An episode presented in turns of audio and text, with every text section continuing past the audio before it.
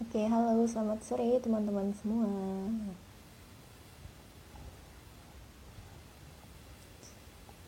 Oke, kita coba invite. Oke. Ya, oke, sudah ada di ruangan ya. Titik temu training. Siapakah ini? Ya. Oke. Halo, assalamualaikum warahmatullahi wabarakatuh. Selamat sore, Kak. Oke, baik. Oke, oke. Assalamualaikum warahmatullahi wabarakatuh, Kak dan juga teman-teman semua. Apa kabar? Waalaikumsalam. Alhamdulillah sehat. sehat. Alhamdulillah sehat. Ini bukan pertanyaan basa-basi ya. Kalau zaman pandemi kayak gini, pertanyaan sehat atau tidak itu suatu hal yang sangat penting gitu. Oke. Penting banget ini soalnya sehatnya ada dua nih, ada sehat sama sehat mental. Sehat mental. Oh iya benar ya kak. Berat juga nih sehat fisik dan juga sehat mental. Oke, kita coba menyapa teman-teman semua yang yang sudah bergabung. Terima kasih sudah bergabung. Apa kabarnya? Mungkin bisa bantu di kolom komentar gitu ya ditulis apakah sehat atau mungkin ada sakit tipis-tipis atau mungkin memang sedang sakit mungkin kita bisa doakan di sini gitu ya kak. Iya. Alhamdulillah. Oke, nah teman-teman taraga diri, hari ini kita kedatangan se uh, seorang tamu yang sangat luar biasa gitu ya dari titik temu uh, titik temu training gitu. Siapakah beliau? Ya, ini udah bersama kita ya, udah bergabung gitu. Oke, di sini ada bersama kita Kak Jihad Wafdal Kohar Al Mashida SPSI. Beliau lulusan dari sarjananya di Universitas Gajah Mada gitu ya. Dan banyak sekali sebenarnya ya experience-nya Kak Jihad ini sebenarnya kalau dibacain ini CV-nya tuh ada banyak sekali ada enam halaman teman-teman keren banget. Oke, okay, tapi yang yang akan kita highlight di sini Kak Jihad ini sebagai uh, founder gitu ya dari uh, titik temu training dan kita kali ini akan bahas sesuatu yang cukup menarik gitu ya teman-teman karena kita udah masuk 10 hari terakhir bulan Ramadan gitu. Kalau di pamfletnya ini judulnya uh, kayak lagu gitu ya. Uh, walaupun hidup seribu tahun, tapi kalau tak sembahyang apa gunanya? Nah, apa yang mau kita bahas gitu? yang mau kita bahas ini adalah uh, manajemen waktu, teman-teman. Time management untuk urusan vertikal dan juga horizontal. Oke, langsung aja kali ya ke Kak Jihad. Ini manggilnya Kak siapa nih anaknya nih, Kak? Kak J boleh, Kak Jihad boleh. Oh, Kak J. Oke. Ini kayaknya keren Kak Kak J. Kayak Haris J gitu ya. uh, beda sih, beda nasib aja nasib aja. Oh beda. Oke, yang ini psikolog ini uh, lebih keren juga nih, nggak kalah keren nih kayaknya. Oke kak, ini apa namanya kan kita sekarang udah masuk 10 hari terakhir gitu ya di bulan Ramadan. Sekarang udah hari yeah. ke-25 ya kalau nggak salah. Nah sebenarnya apa sih spesialnya spesialnya 10 hari Ramadan, terutama yang terakhir gitu? Apa kak spesialnya? Ya sebenarnya banyak yang spesial dari 10 hari terakhir ya, karena uh, kita tahu bahwa Ramadan itu adalah ajang untuk orang-orang berlomba-lomba untuk membunuh dirinya darinya langkah paling cepat, paling nyaman, paling enak untuk mendapat gelar terbaik yaitu gelar takwa gitu. Apalagi di sebuah terakhir itu ada sebuah malam yang sangat diburu ya, diincar oleh uh, umat muslim di dunia ini yaitu malam Lailatul Qadar.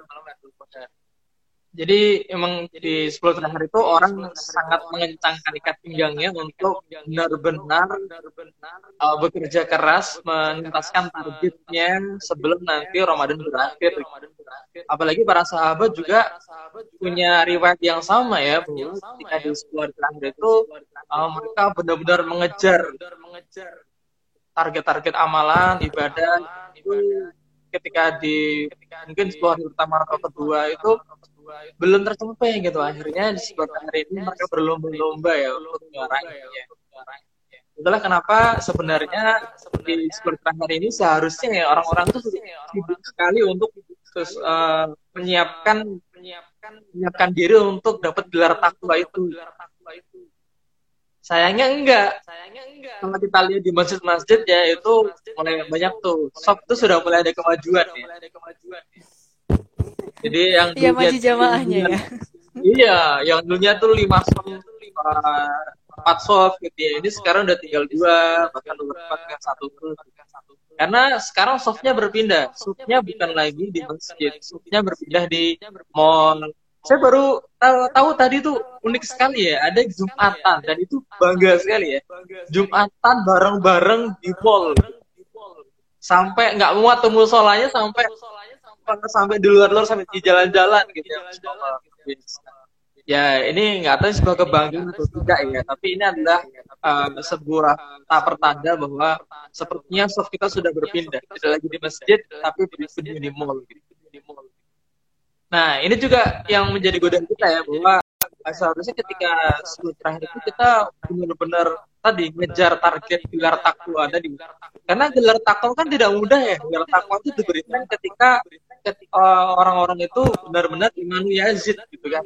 Kan disebutkan tuh ya dari pepatah Arab tuh mengatakan begini.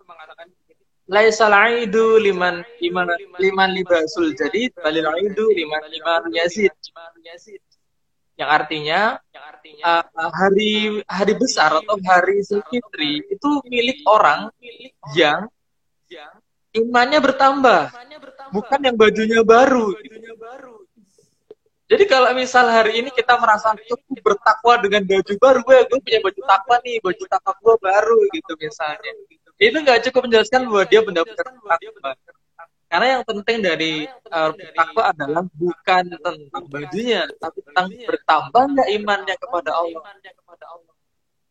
Gitu. Jadi kira-kira ya lagi-lagi setelah itu dalam rangka mengejar pantasnya kita dapat gelar. Ibaratnya kalau Ramadan adalah sebuah sebuah uh, sebuah kampus ya atau sebuah uh, gelar kesarjanaan gitu ya selama 30 hari. Gitu. Jadi kita sejak awal tuh sudah dilatih sama Allah untuk tarawehnya, tilawahnya, puasa, apalagi puasa ya. Kemudian semuanya tepat waktu dan seterusnya. Itu sangat dilatih untuk itu. Nah, kemudian kalau misal di sekolah kalau kita itu gagal menjaga diri, terbawa hawa nafsu, uh, kemudian melupakan sunnah-sunnahnya yang itu pahalanya luar biasa di Ramadan ini. Lah, kan jadi pertanyaannya kira-kira kita pantas ya jadi uh, punya gelar takwa itu gitu. Nah, itu yang menjadi jadi refleksi. Oke. Oke, Masya Allah luar biasa ya. Uh, mungkin ini jadi pengingat buat kita semua teman-teman bahwa uh, Ramadan ini sebenarnya adalah suatu apa ya mungkin suatu training gitu ya untuk kita mencapai gelar takwa itu. Nah tentunya takwa ini kan sangat sulit dicapai ya kak. Uh, mungkin kalau di bulan Ramadan karena ini kita tahu timingnya pas gitu. Oh aku mau ah uh, maksimalin pokoknya semuanya aku pakai buat baca Al-Quran, zikir dan lebih banyak beribadah. Uh, mungkin kita bisa apa namanya kesampingkan dulu yang urusan-urusan duniawi. Nah, tapi begitu beres Ramadan mungkin ya ini, begitu beres Ramadan terus kita kayak ah, udah balik lagi nih, banyak yang harus dikerjain dan lain sebagainya. Nah, mungkin apa namanya kita di sini juga ajang belajar lagi-lagi ya, ajang belajar salah satunya untuk belajar memanajemen waktu. Biar kita bisa balance yang tadi itu ya, balance uh, antara hubungan vertikal dan juga hubungan horizontal. Nah, ngomong-ngomong tentang manajemen waktu ya, Kak. Sebenarnya apa sih manajemen waktu itu?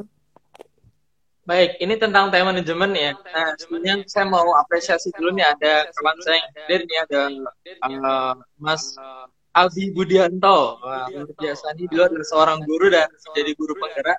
Di umurnya yang baru 29 tahun sudah membuat lima buku ya luar biasa. Keren keren. Masya Allah luar biasa. Keren keren. Nah, Terima kasih jadi, sudah datang di sini. ya, ketika dihubungkan dengan time management ya, uh, ini menarik ya. Ini menarik ya. Karena begini, uh, sebenarnya apa sih time management itu? Karena begini, sedalam dalam uh, dalam kajian time management ya yang saya tahu ya, sebenarnya kita tidak bisa benar-benar mengatur waktu. Ya. Jadi time management itu bukan bukan waktunya yang kita atur. Jadi, uh, gini, uh, kenapa di surat Al-Asr itu ya di surat ke 103 itu ayat 1, 2 dan 3 itu disebutkan bahwa demi waktu. Innal insana lafi khosr tiap orang itu adalah termasuk orang yang merugi. Kenapa merugi? Karena dalam dalam dalam waktunya orang itu tidak menggunakan dengan baik. Jadi bukan salah waktu ketika kita tidak bisa mengatur waktu itu. Karena time management itu sebenarnya kembali kepada diri kita. Apakah kita mampu mengendalikan diri untuk mengatur waktu? Nah, itu keluhnya di situ. Keluhnya adalah apakah kita punya kemampuan diri untuk mengendalikan diri kita, ngatur diri kita sendiri untuk mengontrol waktu. Karena kalau misalnya kita kita ngatur waktu, waktu kita udah 12, eh 4, 24 jam sehari nggak bisa ditawar. Kalau mau kita ngatur waktu, harusnya waktu udah 24 jam dong, nggak ada satu jam itu yang free time atau gimana gitu ya. Tapi ternyata kita nggak bisa. Sama si minggu kita juga tujuh hari, nggak ada hari ke delapan itu nggak ada. Ya kalau kau belum minta, boleh dong ada hari setelah hari Ahad sebelum hari Senin. Sebagai jeda ya antara liburan dan kerjaan di hari Senin itu. Tapi ternyata nggak ada. Jadi waktu tidak bisa kita atur. Yang kita atur adalah diri kita sendiri. Nah, apalagi di bulan Ramadan semacam ini ya, itu kalau kita hubungkan dengan uh, bagaimana produktivitas yang tinggi di Ramadan itu, itu sangat berlaku sekali ya. Jadi ketika kita Ramadan itu kan kita sangat diuji ya, bagaimana kita aktivitas kita selama Ramadan dengan uh, ibadah dengan uh, aktivitas harian kita. Gitu. Saya pernah uh, apa ya membahas dalam banyak uh, pengkajian dan pembelajaran tentang time management ya. Jadi ada namanya structure of time. Itu ada pembagian struktur ada lima. Pertama adalah productivity. Yang kedua adalah rutin. Yang ketiga adalah uh, enjoyment.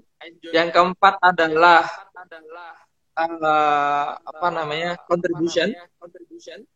Dan yang kelima adalah rutin lima ini ya. Lima ini ya. Jadi yang pertama adalah productivity. Jadi ketika productivity itu adalah waktu di mana kita bisa menghabiskan waktu untuk sesuatu yang sifatnya menghasilkan karya, menyelesaikan tugas, bisa ngasilin duit itu productivity. Termasuk misalnya kita belajar kita di kampus itu productivity. Kalau kita bekerja di kantor ya kantor itu ngasilin duit ya itu juga productivity. Yang kedua adalah yang kedua adalah rutin. Rutin itu adalah waktu yang sifatnya terus berulang tiap hari. Jadi kita nggak perlu menggunakan uh, uh, khusus untuk itu. Itu selalu kita lakukan gitu. Tentang misalnya tidur, itu pasti kita tidur. Gitu. Mandi juga sama, makan juga sama. Tanpa kita atur, itu sudah kita akan kita lakukan. Cuma tinggal bagaimana kita mengalokasikannya.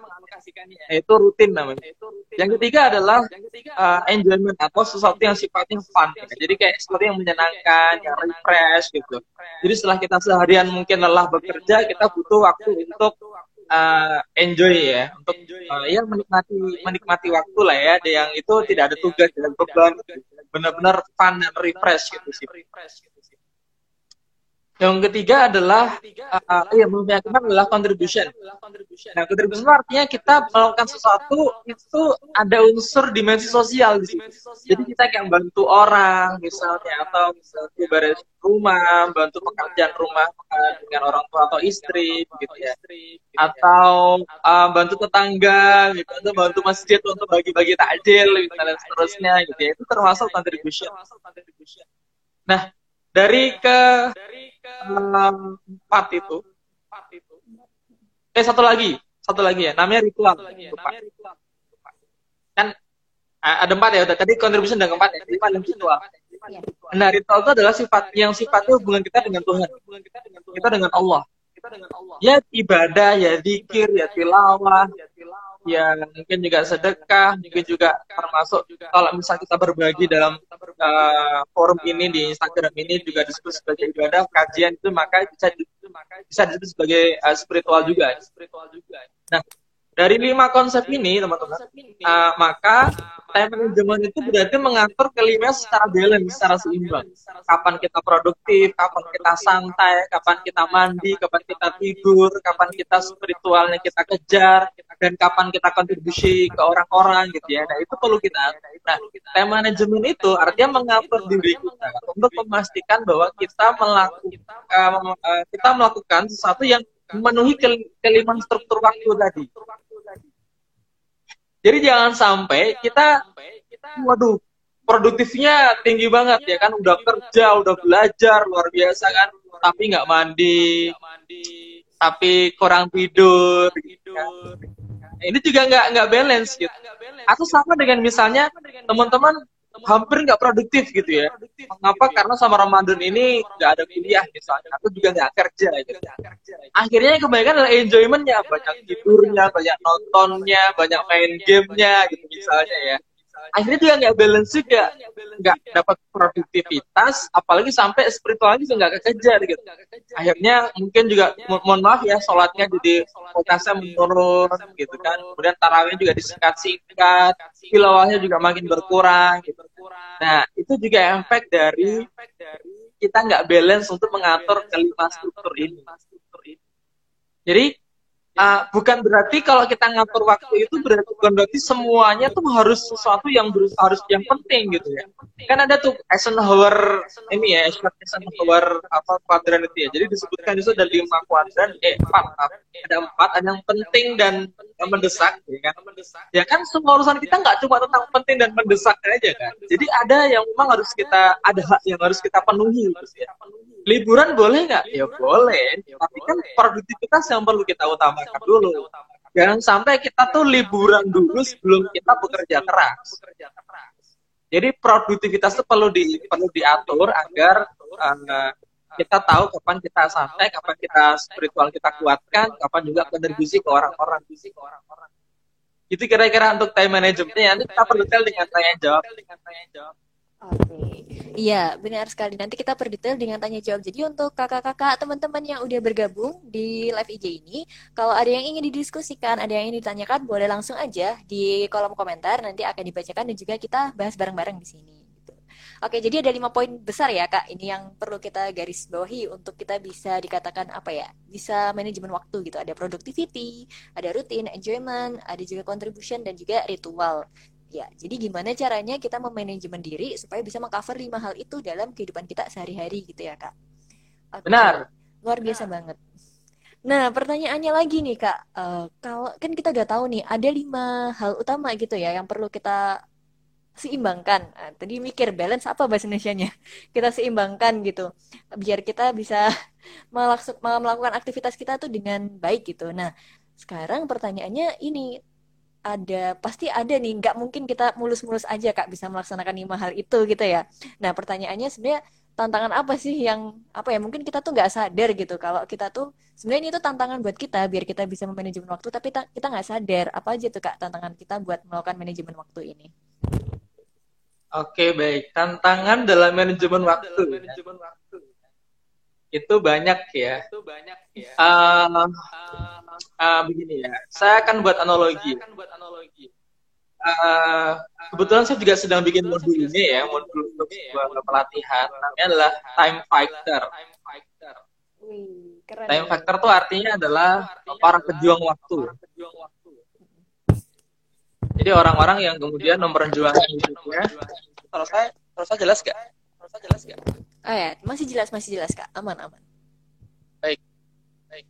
Nah, jadi uh, time factor itu adalah orang-orang yang mereka seorang pejuang yang memperjuangkan waktunya karena tahu ya bahwa waktu itu berjalan itu tanpa ada intervensi dari siapa pun, hanya kitalah sang pengendali waktu itu. Gitu karena gini tidak ada yang namanya free time ya. saya nggak percaya namanya free time. karena gini waktu itu dalam itu kan serapan dari bahasa Arab ya. waktu ya kan? wawu kof dan tak. Itu kan serapan dari bahasa Arab. nah, waktu itu sebenarnya dalam bahasa Arab itu uh, jika disebut kata waktu itu semacam mengisyaratkan bahwa ada kewajiban yang harus ditunaikan di setiap waktu itu. Jadi waktu menuntut kewajiban, ya. Jadi nggak ada free time, nggak istilah free time itu nggak ada. Karena apa? Karena lagi setiap waktu itu menuntut kewajiban. Oke. Okay? Nah, maka yang tepat itu adalah free activity, gitu ya atau nggak ada aktivitas. itu lebih tepat. Karena free time kalau misalnya kita wah waktuku kosong nih. tapi waktu kosong main game buka HP buka Instagram itu misalnya ya. Itu nggak jadi free time. itu jadi ya karena waktu kita jadi terisi lagi gitu kan terisi dengan aktivitas yang mungkin uh, masuk ke enjoyment tadi yang sifatnya refreshing tadi ya. Jadi lagi-lagi uh, dalam konsep time management itu nah, kita perlu tahu dulu bahwa nggak ada waktu kosong. Yang ada adalah kita tidak mengisi waktu itu.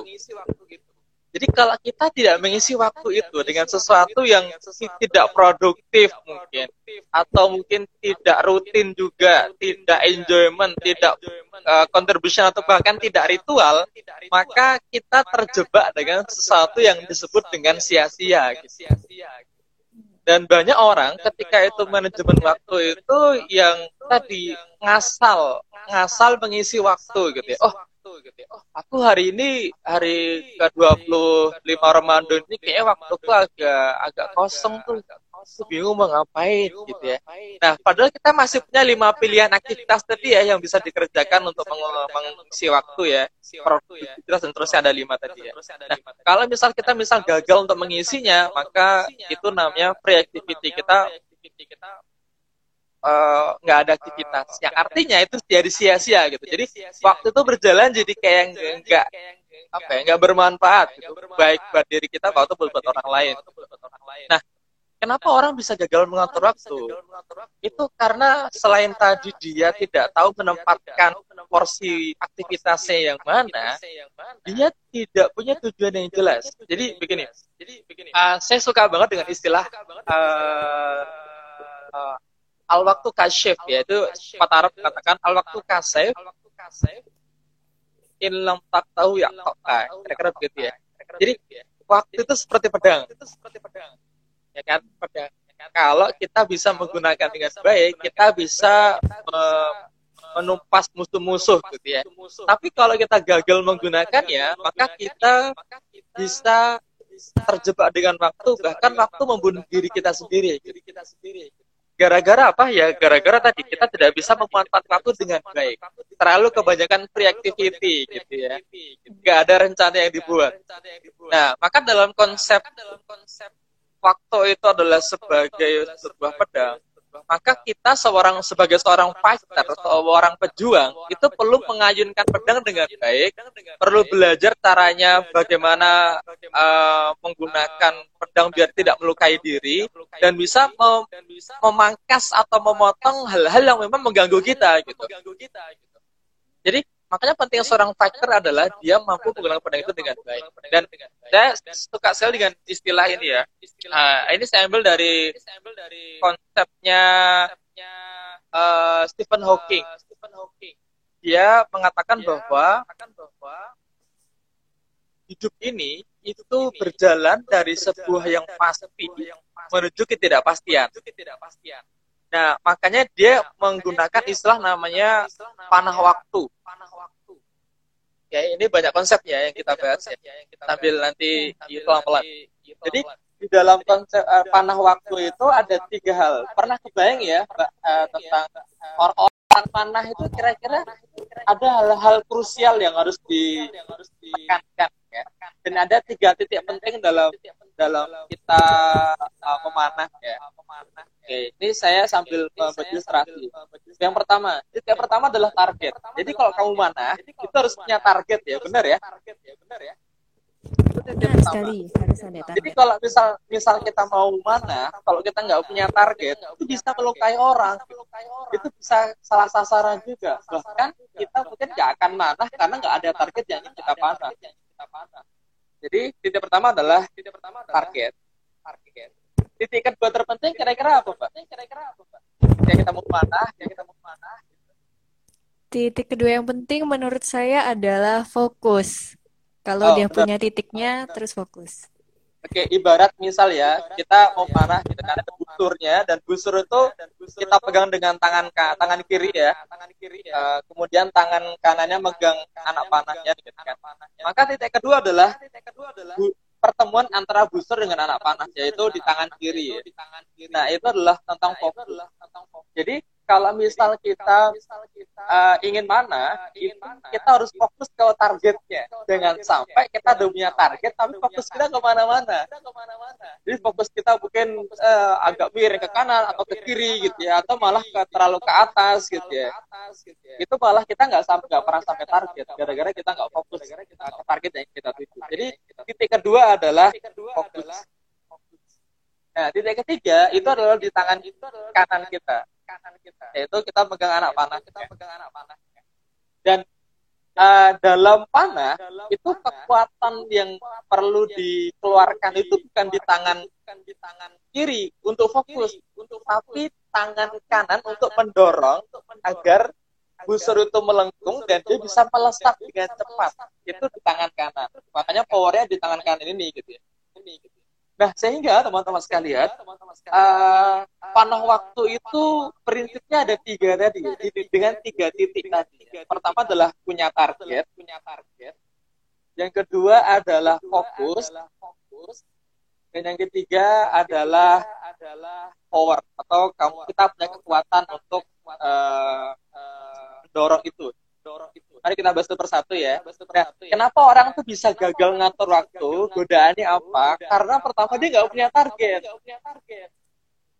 Dia nggak tahu apa yang mau dikerjakan, gitu kan? Ya kan gini simple aja. Kalau kita ke anak remaja misalnya, time management tuh jadi nggak penting buat mereka. Apa? Karena nggak punya target. punya target mau ngapain? Coba anak SMA tuh kira-kira kan mau belajar doang kan? Mencari duit juga udah belum belum waktunya gitu kan. nyari nilai juga nanti bisa dikejar ketika UN gitu misalnya ya. ini udah nggak urgent-urgent banget gitu. kalau mahasiswa udah mulai berpikir tuh setelah ini mereka harus melakukan apa kemudian mereka uh, bekerja bagaimana tugasnya praktik dan seterusnya itu ikut berpikir gitu ya. tapi kalau pelajar tuh udah nggak gitu karena apa? lagi-lagi karena nggak punya target. makanya kalau orang tuh pengen time manajemennya baik itu harus punya target dulu. dan target terukur ya mulai dari yang start one terkecil ya misalnya mulai dari jam, jam ini ngapain? Ini ngapain? Jam sekian harus melakukan apa? nanti hari ini targetnya apa yang dicapai minggu ini apa yang ingin dicapai? minggu ini target hafalan atau target membaca 20 juz? atau Ramadan ini sebulan ini harus dua kali khatam. jadi ada target yang ingin dibuat. jadi kalau kita misal nggak punya target maka kita nggak bisa membuat time management yang baik. karena apa? Karena lagi-lagi ya sebagai konsep yang disampaikan oleh kita tadi kita ini berjalan dari sesuatu yang pasti menuju ketidakpastian.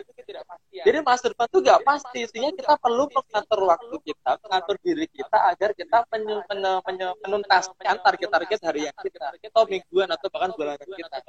Jadi target itu perlu kita kejar. Makanya kalau ke satu aja kita nggak punya, target aja kita nggak punya, kita nggak bisa mengatur waktu. Yang kedua adalah fokus. Kedua adalah ini juga banyak godaan nih, banyak godaan banget. Jadi wah udah punya target gitu kan. Tapi mau udah mau mau tilawah gitu udah mau wah ini hari ini dua juz nih, dua dua juz nih kan. Tapi gara-gara tapi gara-gara oh orang tiba-tiba orang tua minta le beliin tempe gitu kita. Relate sekali ini kak. Oh, iya relate banget relate. Banget ya adik tiba-tiba uh, kak aku ini dong uh, ngabuburit dong kita jalan-jalan dong gitu main sama aku dong dan seterusnya gitu ya itu mengganggu fokus kita banget gitu Nah, padahal kita perlu fokus untuk target kita tadi harus dua jus nih. Ayo kita kejar gitu kan. Tapi gara-gara banyak godaan di kanan kiri kita, akhirnya kita jadi nggak fokus. Sama kita ngerjain tugas gitu. Ya. Kita mau skripsi misalnya itu udah mau skripsi gitu kan. tiba-tiba ada ada ada ada panggilan di WA panggilan di WA eh bro. Eh bro masa kamu gak ikut bubur sama kita? aduh tega banget. Kita teman gak sih sebenarnya gitu aja nggak datang bubur bareng bubur bareng. Ah itu jadi ah, itu buyar fokus kita ya teman-teman iya. Iya benar nah, banget kak. jadi fokus itu perlu kita kelola. Jangan sampai kita punya target tapi kita nggak fokus sama target kita sendiri. Kita terlalu mentoleransi sesuatu yang itu di luar rencana kita, di luar target kita. Ya, Jadi jangan sampai kita terdistraksi sama hal yang memang bukan dari target kita. Ngapain kita melakukan sesuatu yang bukan target kita? Kan? Jadi kita hanya fokus pada hal-hal yang memang kita targetkan aja. Ya kita fokus dengan itu. Dan distraksi kita banyak banget teman-teman. Yakin.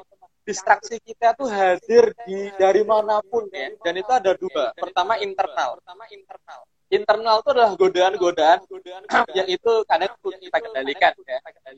Lihat kasur di pagi hari itu rasanya udah kayak lihat kolam renang yang dimasuki gitu ya. Kayaknya tuh asik banget gitu kalau kita nyemplung di kasur itu gitu di pagi hari. Gitu. Itu tuh ganggu fokus kita ya. Itu internal ya, godaan internal gitu.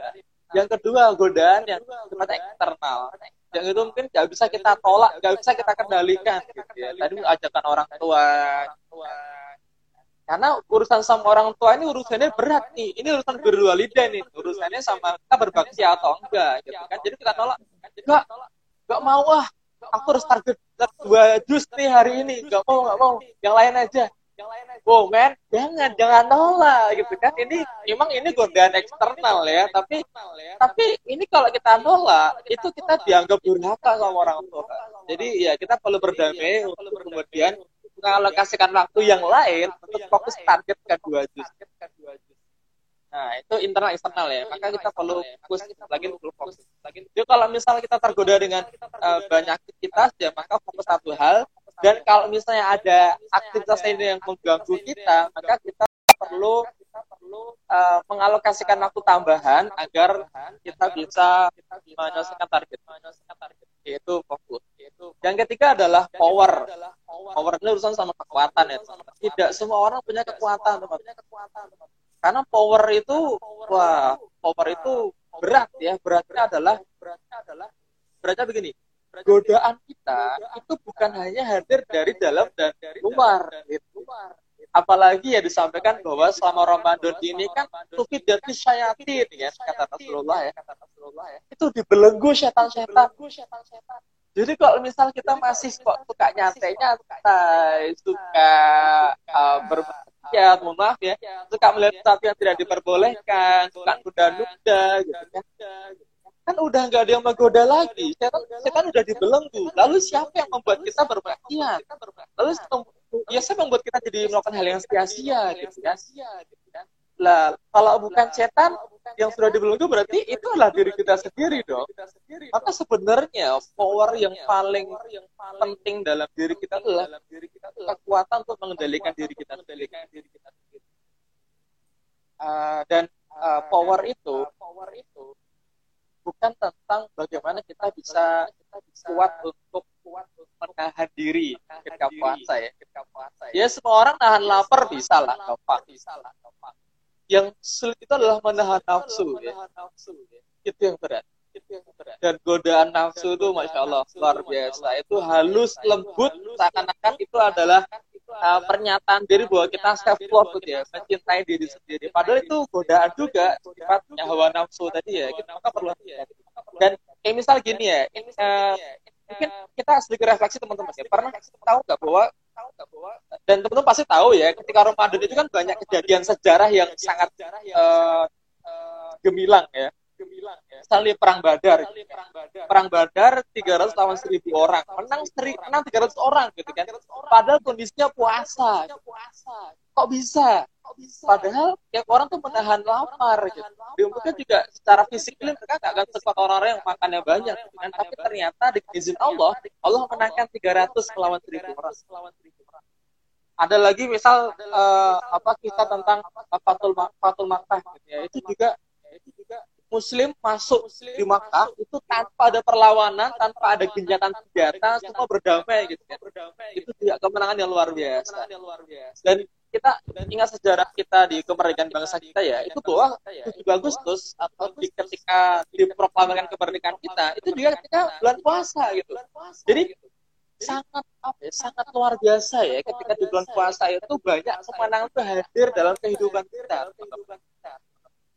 Nah, Kenapa bisa begitu? Kenapa itu bisa karena ternyata orang-orang di bulan puasa itu tidak hanya mela, uh, maaf, uh, setan sudah enggak ada. Jadi setan udah nggak perlu dilawan gitu ya.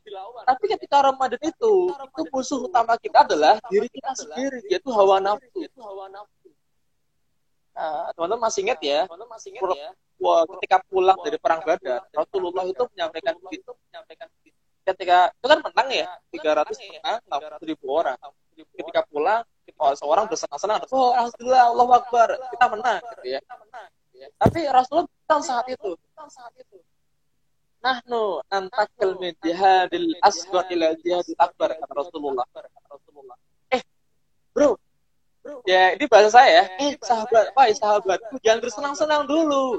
Kita ini sedang berpindah dari perang yang kecil. Bayangkan ya, Rasulullah menganggap perang Badar itu perang kecil menuju perang yang lebih besar lagi. Ila jihadil akbar. Sahabat bingung dong. Eh, kita ini menang Rasulullah. Kita ini menang, menang kemenangan yang sangat besar ini. 300 lawan 1000 orang menang 300. Gitu kan. Kenapa engkau masih bisa mengatakan bahwa ini perang kecil? Karena ternyata Rasulullah menyampaikan bukan perang fisik yang menjadi unggulan seorang muslim. Bukan tentang bawa pedang atau perang-perangan atau bawa tombak, bawa kuda, mukul orang sampai mati itu bukan tentang itu yang membuat kita menjadi seorang pemenang yang besar. Tetapi yang membuat kita menjadi seorang pemenang yang besar adalah bahwa jihadul hawa. Ketika kita itu mampu menaklukkan hawa nafsu kita itulah pemenang yang sebenarnya. Jadi kalau kita itu misal, kita nggak bisa melawan hawa nafsu kita. Oh, kita udah ngerjain semua tugas, okay. udah ngerjain semua tilawah tapi sudah kita sudah kita kejar gitu. Tapi kita gagal melawan hawa nafsu kita. Itu artinya kita lemah. Itu artinya kita lemah. Jadi teman-teman, kalau misalnya kita ngatur waktu aja, kita kalah sama godaan hawa nafsu. Wah, godaan rebahan, godaan ya tidur di pagi hari yang katanya dianggap sebagai sebuah ibadah gitu ya. Padahal Rasul memakruhkannya gitu kan. Uh, atau misalnya uh, godaan untuk pergi ke mall ya beli beli barang-barang gitu ya. Yang sebenarnya kita udah punya baju lebaran gitu kan. Lagi-lagi godaan nafsu. Sama kayak misal kita mau buka puasa, udah aku pengennya makan pizza, burger, uh, saya sapi yang baru hit ya, atau piting dan seterusnya. Itu kita udah kebayang semua makanan yang lezat gitu. Tapi minum air putih ketika buka aja kita udah udah tuntas gitu hawa nafsu gitu. Jadi ya ini perlu kita lawan. Hawa nafsu ini perlu kita lawan. Makanya kalau kita misal ingin ngatur waktu dengan baik, maka yang perlu kita lawan adalah hawa nafsu kita. Jadi benar seorang fighter, time fighter itu dia benar-benar menggunakan pedangnya, menggunakan panahnya untuk melawan diri dia sendiri. Terutama melawan hawa nafsu. Maka orang yang pandai untuk mengatur waktu adalah orang yang mampu melawan hawa nafsu. Gitu kira-kira. Gitu kira-kira luar biasa ya. Ini sebuah analogi yang sangat luar biasa dan iya bener banget ya. Kalau dianalogikan jadi masuk akal. Oke, jadi sebenarnya poin penting yang kita mungkin sering lupa adalah ketika kita ngomongin waktu kita kita ketika kita ngomongin sesuatu tentang aktivitas dalam kehidupan kita sebenarnya yang kita lawan itu adalah diri kita sendiri terutama hawa nafsu kita. Apakah kita bisa melawannya atau enggak? Yang akhirnya kita akan melihat apakah kita cukup produktif atau enggak gitu ya Oke, okay, luar biasa banget ini kak. luar biasa banget nih. Uh, terus ini kak, apa namanya? Kini kita ta udah tahu nih ya. Oh ya, by the way buat teman-teman semua yang udah bergabung, terima kasih banget gitu ya. Uh, kalau teman-teman ada yang pengen ditanyain, ada yang pengen didiskusiin, boleh langsung aja uh, tulis di kolom komentar. Nanti kita bahas bareng-bareng di sini gitu. Oke, okay, mungkin sembari menunggu teman-teman uh, menanggapi dan lain sebagainya, ini kak, apa namanya kita udah tahu nih hal-hal yang musuh kita, musuh terberat kita itu adalah hawa nafsu dan itu adalah yang harus kita uh, bisa dibilang perangi gitu ya, kita fight dengan dia gitu. Nah, uh, mungkin ini Kak, apa namanya? Caranya kita fight gimana ya? Mungkin uh, apakah dengan uh, kita nyemangatin diri sendiri atau gimana? Tapi cukup susah apalagi mungkin itu uh, kalau godaan eksternal ada yang misalnya bisa kita kendalikan tapi banyak juga yang nggak bisa. Nah yang susah juga ini yang internal. Gimana caranya biar kita lihat kasur tuh nggak pengen rebahan dan lain sebagainya. Gimana kak caranya? Oke okay, menarik menarik oke okay, menarik jadi kalau misalnya dengan analogi tadi ya, analogi tadi ya gimana biar kita itu bisa benar-benar mengenalkan time ya? Kita dan kita bisa uh, produktif produktif Ramadan ini Ramadan ini yang pertama adalah yang pertama adalah kenali musuh. kenali kenali musuh itu artinya kamu juga perlu tahu kebiasaan buruk itu apa. uh, kebiasaan yang itu non produktif itu apa. kebiasaan yang bikin itu sering kamu lakukan tapi itu tidak penunjang uh, aktivitas utama. Jadi misalnya kayak uh, tidak menyelesaikan tugas, tidak membuat karya baru atau tidak menyelesaikan sesuatu gitu ya yang nggak produktif kira-kira. Itu perlu kita tahu dulu. Untuk dalam rangka untuk mengetahui apa yang apa yang uh, menjadi musuh kita dari kita dari jadi lagi-lagi identifikasi diri dulu. Jadi jangan sampai kita uh, produktif buta ya. Jadi kayak benar-benar jadi kayak wah ini wah baru terakhir tuh kita semuanya waktunya dialokasikan untuk spiritual gitu ya. Wow, semuanya ngaji dari pagi sampai malam gitu ya. Mungkin juga sampai lupa mati, sampai lupa self care gitu ya, sampai lupa tugas-tugas skripsinya gitu kan. Jadi benar-benar dunia ditinggalkan gitu ya. Luar biasa ini. Sangat spiritualis banget gitu ya. Padahal sebenarnya kita diminta untuk seimbang gitu ya. Kita perlu mandi juga, kita perlu ngatur diri juga, kita perlu nyuci baju, nyuci piring itu kan perlu juga. Bersihkan kamar juga perlu. Jadi jangan kemudian kita totalitas atau kita membabi buta untuk mengalokasi waktu full untuk spiritualitas. Padahal sebenarnya ada lima struktur yang tadi kita bahas ya. Perlu balance, perlu seimbang. Nah, uh, maka ketika sudah tahu nih oh ternyata aku ini kebanyakan enjoymentnya. Ternyata aku kebanyakan rebahannya. Ternyata aku kebanyakan nih nonton drama Koreanya. Ternyata aku kebanyakan Instagramnya nih. Nah kalau udah tahu kayak gini-gini maka ini yang perlu kita lawan.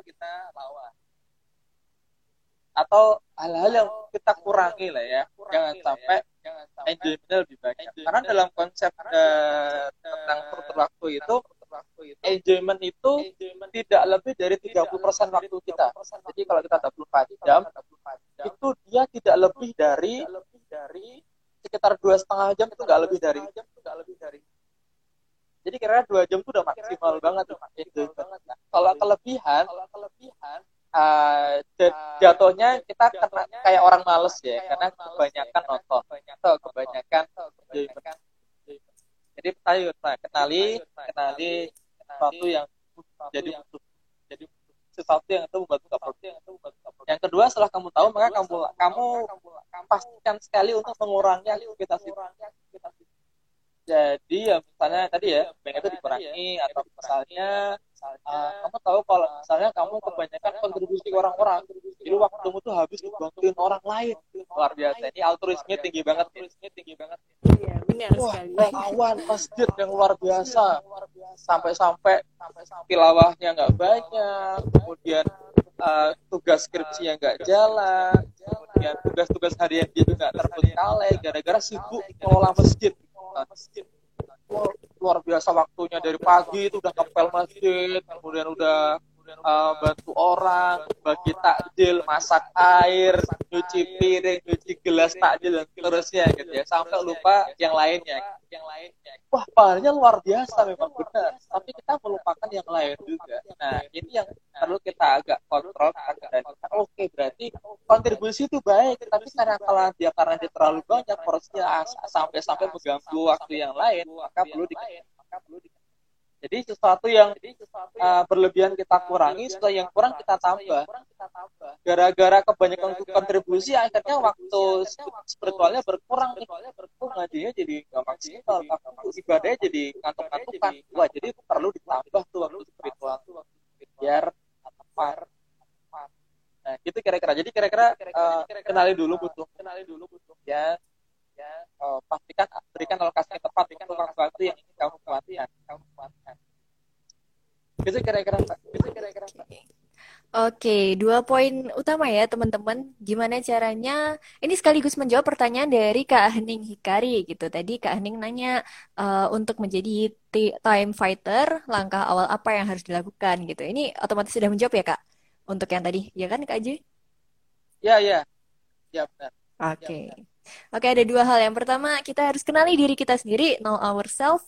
Uh, kemudian kita mengevaluasi apa yang terlalu lebih dari lima struktur waktu tadi, atau mungkin apa yang terlalu kurang dari lima struktur tadi, gitu ya. Lima struktur waktu yang dimaksud tadi, uh, aku ulangin ya, barangkali teman-teman ada yang ketinggalan.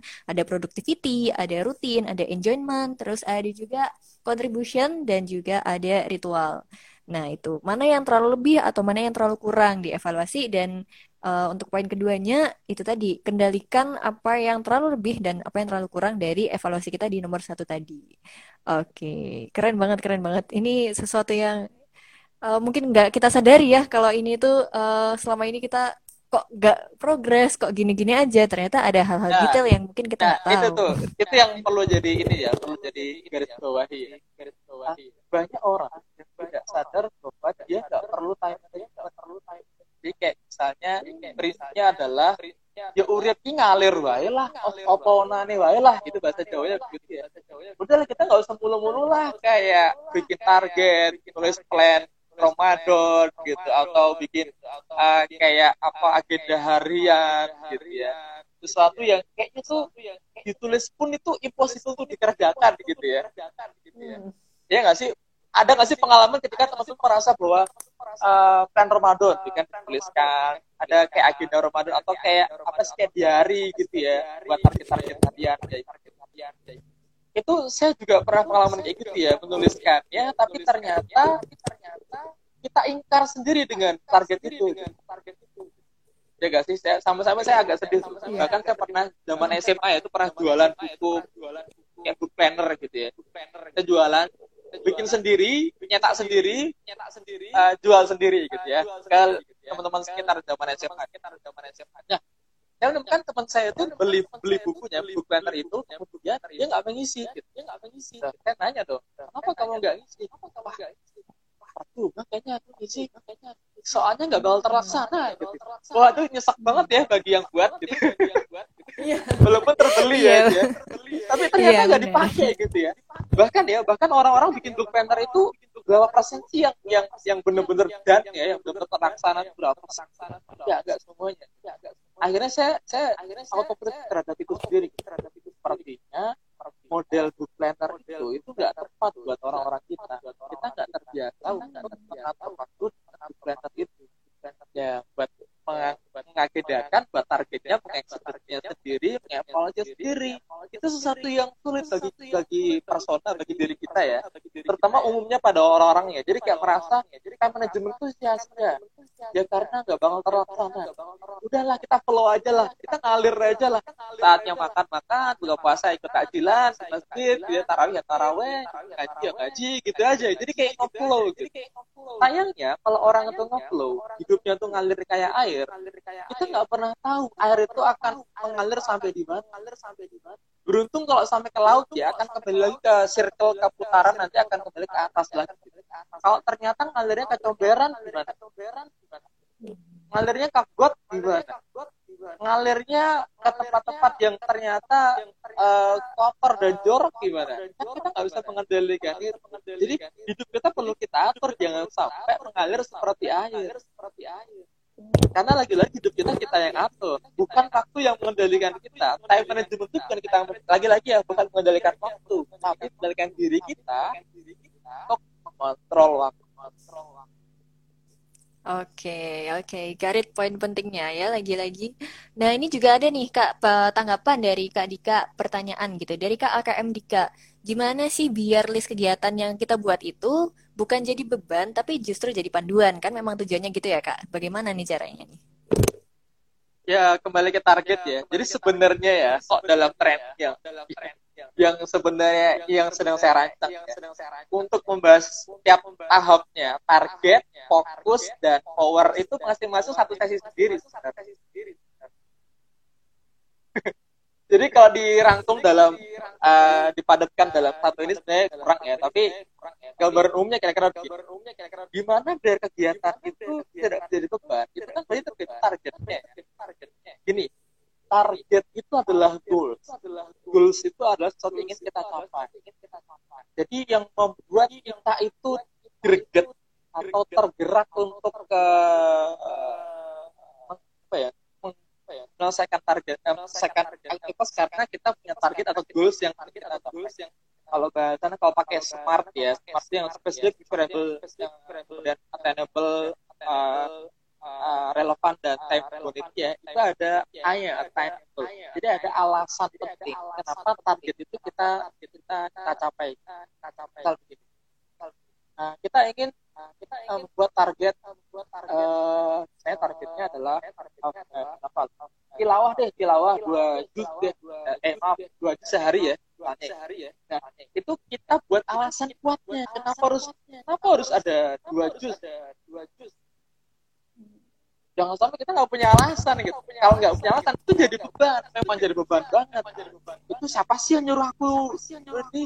Tilawah dua juz gitu kan? Gak ada yang nyuruh. Kita buat-buat sendiri. Kita terbebani sendiri. Kan jadi gimana gitu ya nah kita perlu alasan. Kenapa harus dua juz dan itu yang harus filosofis ya tapi paling enggak itu reasonable sesuai dengan yang yang kita mampu.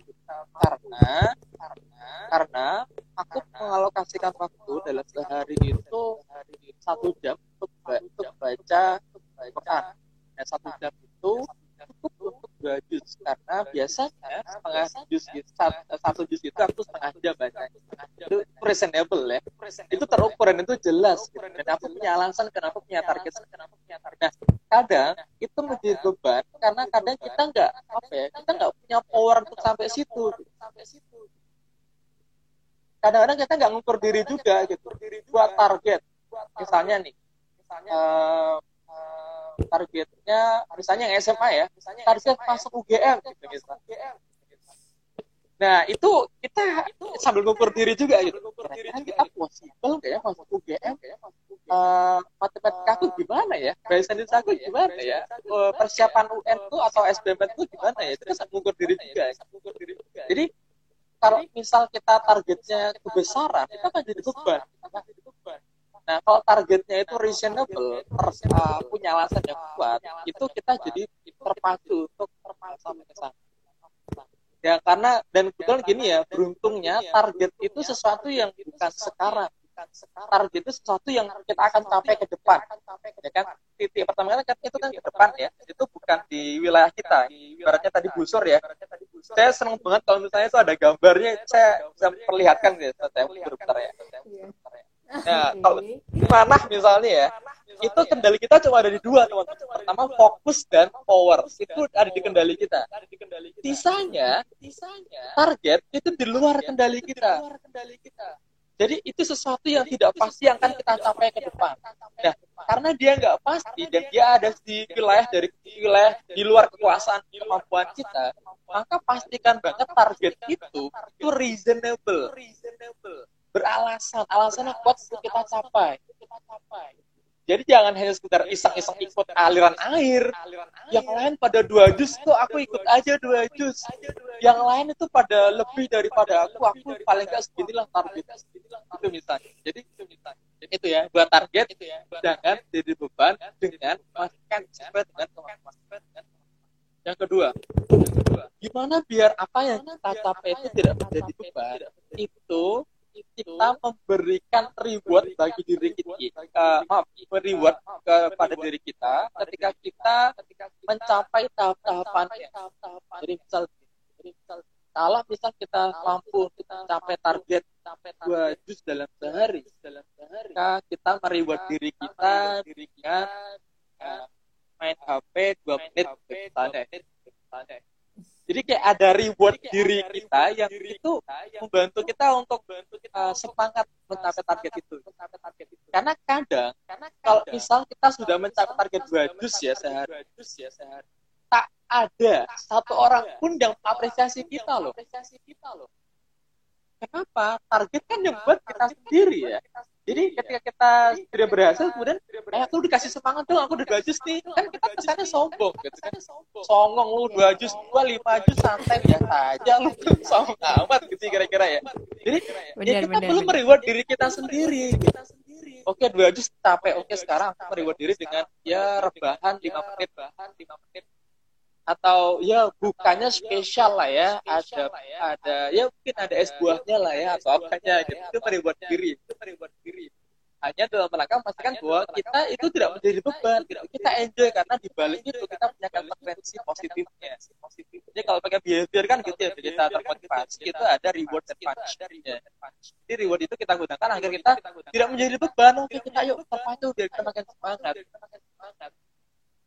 itu kira-kira kira-kira mau bantu biar nggak jadi beban biar nggak jadi beban oke Oke, semoga menjawab ya Kak AKM Dika gitu. Gimana caranya biar apa yang kita tulis itu tidak menjadi beban tapi menjadi panduan gitu. Yang pertama tadi kalau boleh diulangin, uh, pertama kita melihat kembali gitu target kita. Kita harus punya strong way gitu ya, strong way. Kenapa kita tentukan target itu gitu. Terus yang kedua juga kita jangan lupa lihat power kita, uh, apa namanya uh, kira-kira kita bisanya seberapa? Dan juga itu itu yang pertama itu masih masuk yang pertama. Yang kedua jangan lupa juga untuk mengapresiasi diri ketika kita udah mencapai target kita gitu.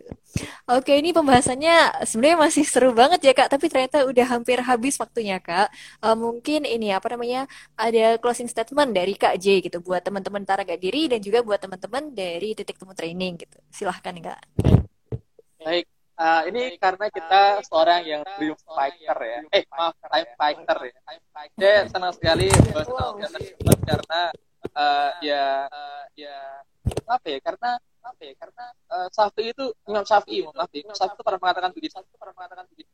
Jika tidak ada surat lain dalam Al-Quran dan hanya menyisakan surat Al-Asr saja, Al-Asr saja, itu sudah itu sudah jadi nasihat, jadi nasihat seluruh Oh itu menurut saya keren banget menurut saya keren Alatar tuh sakti banget. tuh sakti banget. Jadi Bener. jadi kalau nggak ada ayat lain gitu ayat tiga ayat doang gitu. ayat itu cuma awal asr innal insana lafi khusr ilaladina amanu wa amil salihat wa tawassaw bil haq wa tawassaw bil sabr. Itu sudah cukup kata Imam Syafi'i. kata Imam wow itu menurut saya terus saya ya, nasihat yang sangat dalam gitu ya. Yang intinya adalah teman-teman kalau kita ingin hidup di dunia itu dunia akhiratnya dapat ya berarti konsekuensinya adalah atur waktu dengan baik. Oh maaf, maaf.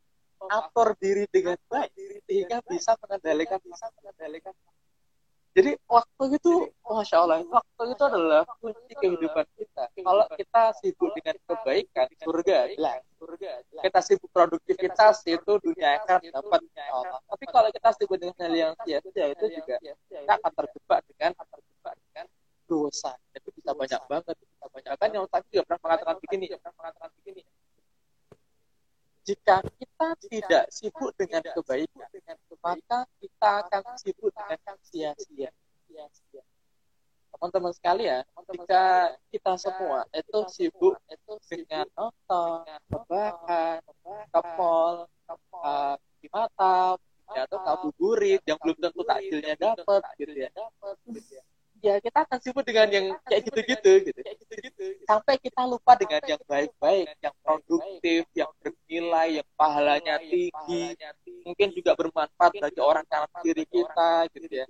Sampai selupa itu gitu. Kita gara-gara kita sibuk dengan hal yang ya maka teman-teman sekalian kita nih selagi punya kesempatan sepuluh hari terakhir kita maksimalkan waktu kita dengan yang baik tadi uh, yang produktif, yang bernilai pahala tinggi, yang manfaatnya luar biasa bagi orang-orang. Gitu ya. Mengapa? Karena karena nanti kalau kita tidak begitu, amal soleh nggak kuat, solehnya nggak ada, solehnya nggak ada, itu kita motoran itu kita motoran dan uh, dalam filosofi time filosofi itu mengapa kita harus mengatur waktu karena karena kita tidak tahu kapan kita tidak tahu kapan teman nggak ada satupun di dunia ini yang bisa memastikan kalau besok kita masih hidup. nggak ada yang bisa memastikan. satu pun. Satu dukun peramal sekalipun itu nggak bisa memastikan entah pun kalau bisa itu bantuan dari jin atau makhluk goib yang membantu itu gitu ya. Tapi itu bukan sebuah kehendak Allah. Dia mencuri data dari Allah. Data dari Allah nah teman-teman sekalian tidak ada satu pun yang memastikan bahwa besok kita mati. Nah karena kita nggak tahu besok kita hidup atau tidak kita belum tentu bertemu dengan Ramadan hari ke-27 maka pastikan hari ini kan kita sudah mengejar target-target kita target-target amal-amal kita. amal-amal kita. Jangan sampai ditunda sampai ditunda waktu itu berjalan terus berjalan dan kita nggak akan pernah bisa mundur dan karena waktu terus berjalan dan kita nggak tahu kapan kita akan selesai. jadi pastikan hari ini pastikan hari kita selesai dengan tugas-tugas sampai sampai sebuah pekat sampai sebuah pekat. Jika masa lalu dari sejarah dari sejarah masa depan jadi misteri. jadi maka hari ini adalah perjuangan. adalah perjuangan. Teman-teman kita nggak bisa kembali ke masa lalu karena dia sudah menjadi sejarah. kita nggak akan bisa maju ke masa depan karena dia masih menjadi misteri. kita nggak akan tahu apa yang akan terjadi. yang hanya kita miliki adalah hari ini. adalah hari ini sekarang. Saat, saat. jadi yang karena ini anugerah kita di hari ini yuk kita pastikan waktu kita habis buat yang baik-baik. habis untuk kebaikan habis untuk pahala habis untuk kalbusa karena kita nggak pernah tahu apakah Allah mengizinkan kita bertemu bertemu Usikum, usikum,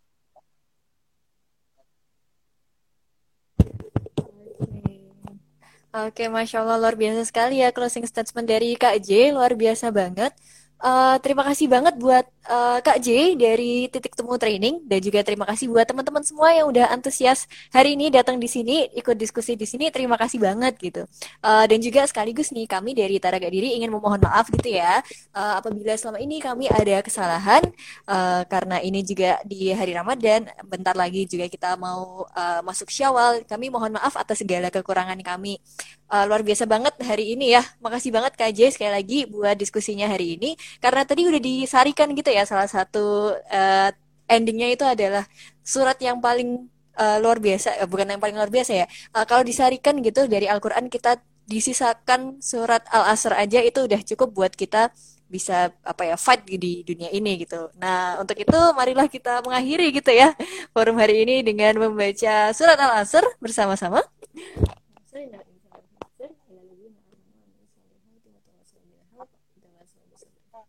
Oke, Kak. Ini agak kurang belum kedengeran, Kak. Gimana?